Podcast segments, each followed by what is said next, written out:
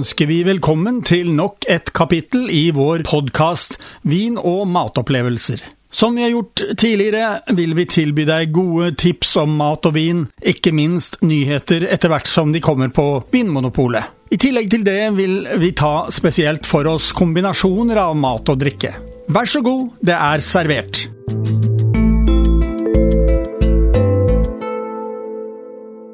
Da er vi i gang igjen med et, eh, en ny podkast eh, med nyheter eh, som kommer nå på Vinmonopolet i disse dager. Og den aller første vinen vi har foran oss, det er en, eh, ja, en italiener eh, fra Suave-området. Og eh, Suave ligger i Veneto i Italia. Og det er en Tamilini Extra Brut Millesimato 2011. Der ble druene plukket i 2011, ja. så den ble vel da gjæret utpå høsten en gang. Og det er jo noen år. Det er ti år. Og eh, da er det slik at eh, innholdet i denne musserende vinen, det er 100 eh, Garganega-druen, som er samme druen som suaveviner lages av. Og Hvordan opplevde du den, Jan Eger? Ja, Dette er jo en musserende vin som er lagd på champagnemetoden. Vi snakker om 209-10 kroner. Jeg syns dette var en veldig frisk eh, vin, for det første. Jeg vil nok si at eh, jeg har smakt veldig mye Prosecco-vin fra nord i Italia, som har et mye mer sånn mye enklere preg enn denne hadde. Denne hadde mer eh, preg av, i retning av champagne, og jeg kunne godt tenke meg at jeg hadde erstatta et champagnekjøp med denne her, faktisk. Og den, det er ikke veldig mye champagne du får tak i i Norge til den prisen. Så sånn sett, i forhold til champagnemarkedet, så er dette et veldig bra kjøp. Og du eh, har jo som et valgspråk du at eh, denne type viner det passer til det meste av mat. Ja, det er faktisk helt supre matviner. Vi vet jo, Karl Erik, fra Frankrike at enkelte store selskaper der nede har vi hørt at champagne har gått gjennom et femretters måltid. Fra forrett via kjøttretter til desserter.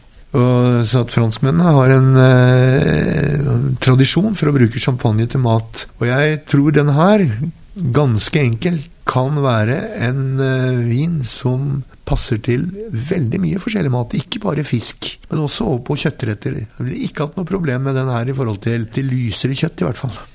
Og da forflytter vi oss til eh, neste vin. Det er Italia, det også, men den kommer mye lenger sørfra. Campania.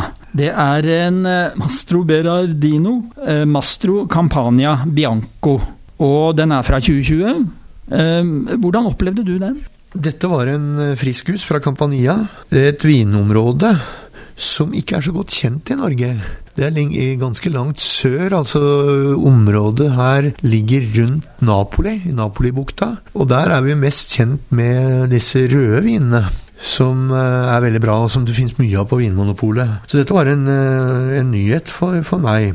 Den har den friskheten i seg som eh, hvite viner bør ha. Jeg mener at hvite viner noen ganger i forhold til mat skal være litt sånn sitrus. Litt sitronaktig. Skal friske opp fiskeretten. Og det, det kan denne gjøre. Og det er en uh, pris på dette òg som uh, ikke er blant de aller billigste på vin, men 165 kroner omtrent. Det er, uh, syns jeg, en bra pris for en såpass grei kvalitetsvin som dette er blitt. Interessant også å smake på litt nye druer. Dette var Coda di Volpe Bianco. Det var Fiano og Greco. Greco har jeg smakt før, men de to andre de var helt nye for meg. Det er det samme for meg. Greco er kjent. Flott vin. Grekeren kaller de det vel i Italia. Og det er en drue som fins i ganske mange, mange viner, men her var det en, en blandingsdel av de tre druene, og det funka bra. I mine notater så har jeg eh, på denne vinen at den var eh, ganske lys, den var frisk og den var fruktig. Ja. Og eh, det, det, det, trives jeg godt med. Ja, er, den fruktigheten den syns jeg er utrolig viktig med hvitvin. Vi liker jo begge to de liksom, hvite viner som tenderer over til friske, fruktige, og ikke den eiketunge delen. Det er veldig sjelden man liksom får anvendelse av de. Disse er veldig anvendelige, fra terrassevin til fisk. Den neste vinen vi har tatt fram her, er eh, fra, den er fra Spania. Castilla i Lyon. Og heter Emilio Moro El Sarsal Godello. Og Godello, det er druen, eh, og den er laget kun på den druen. Og eh, ja, fruktig, det kjenner jeg i duften. Så hvordan opplevde du det? Ja, For det første så var dette veldig artig da, å prøve en drue, en lokal drue fra nordlige Spania som aldri har vært borti før. Visste ikke at den eksisterte. Det finnes jo mange hundre druer rundt om i verden, men dette var en av de som var ukjent for meg. Frisk, sånn som viner fra den nordlige delen av Spania ofte er når de er hvite veldig sånn som kan gå sammen med sjømat, syns jeg. Klar, distinkt uh, aroma. Sitrusprega, hvis jeg kan beskrive det på den måten. Og vi er over på en pris her som tøyer grensene våre litt, uh, Karl Erik. 230 kroner. Så uh, det er en vin i et litt sånn øvre prisleie for mange av oss. Når, det, når, vi er på det hvite, men absolutt noe som hadde vært spennende å prøve. Som jeg kunne godt tenkt meg å kjøpt Eh, hjemme sjøl ved en anledning for å introdusere en ny drue med en uh, vin som jeg syns har mye for seg, sånn i forhold til sjømat. Jeg noterte meg at den uh, var litt lysere gul i forhold til den forrige, for den var veldig lys. Men i tillegg så var den litt mer fyldig over den. Den var fyldigere enn den forrige. Den forrige var jo nesten vann i fargen, mens denne her var litt sånn mer strågul mot, uh, mot, den retningen. Litt mer fylde kan kanskje derfor brukes mer med, med sjømat som har litt sauser og spice og sånt. Og på den eh, neste vinen vi har tatt fram nå, så um, har vi forflyttet oss til Østerrike.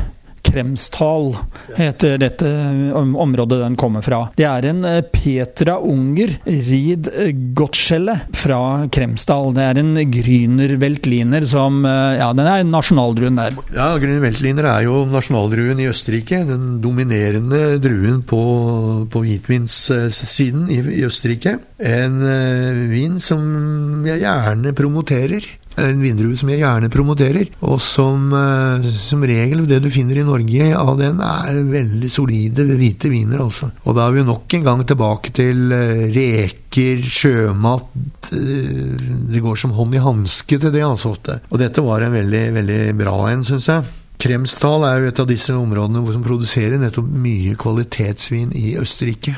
Så se opp for den. Tenk på Grüner Weltliner, om dere ikke får tak i denne i polet. Eh, lokale butikken dere går i. Så tenk på Gryne veltliner, og spør gjerne litt omkring de. Og jeg vet at mange i Vinmonopolet er veldig begeistra for nettopp Gryne veltliner. 220 kroner koster denne, litt uh, over det prisleiet vi normalt uh, omtaler i denne podkasten. Men akkurat denne vinen syns jeg den var verdt det. Ja da. Det, altså Østerrike er også et land med ganske Hva skal jeg si Et høyinntektsland på mange måter, med høye lønninger og sånt, og det gjenspeiler seg jo i prisen. Det er eh, områder i verden som kan produsere viner mye billigere enn de kan i Østerrike, for å si det på den måten. Så dette er egentlig en, en, en god pris, altså, syns jeg, for en kvalitetsvin fra Østerrike.